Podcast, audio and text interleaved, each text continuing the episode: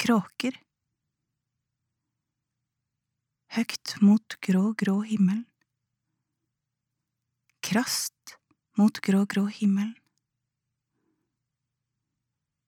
Før med ett ei av deg. Før med to. Før med tre kråker stuper. Ned mot glissblaute, irrgrønne marka. Ned på hvitgrå, gråvåte lamma. Rett i synet på deg. Stikk nebba sine inn. Langt langt. Riv augepla ut. Hos Borgny. Fest! Goliat står lenge og venter, utilpass. Han gløtter på nettet, som òg er der. Borgny kommer inn og smiler. Hun er 50 år og høygravid. David kommer rett bak. Å, takk, David. Åh, jeg klarer meg. Hei, jenta mi. Hei, Hei. Ja, her er Anette. Hei. hei. Og her er Goliat. Mm.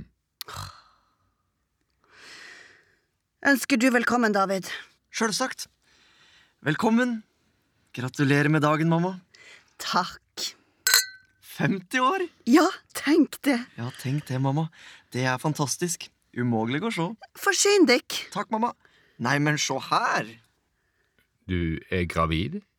Ja, jeg er det. Tenk at jeg skulle få oppleve det igjen. Visste du ikke? Nei. Mamma lurte på om det skulle skje før 50-årsdagen. Det er rett før. Mamma har hatt et veldig ukomplisert svangerskap. Sant det, mamma? Jeg er kvikkere enn noen gang.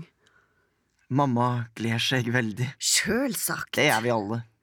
Vil du ikke ha? Jeg har eta. Og her er altså Anette, Hei.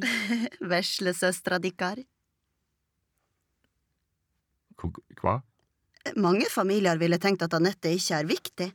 Sant det, David? Jo, absolutt. At Anette ikke skulle vært her. At hun er fiktiv, nesten. I alle fall på dette tidspunktet.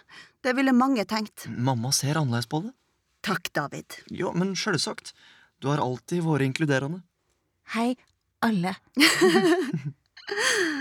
Anette er ikke uviktig bare fordi hun ikke er født ennå. Slik er mamma. Kjærleiken sjøl. Du har hørt utdrag fra Goliat av Maria Tryti Vennerød.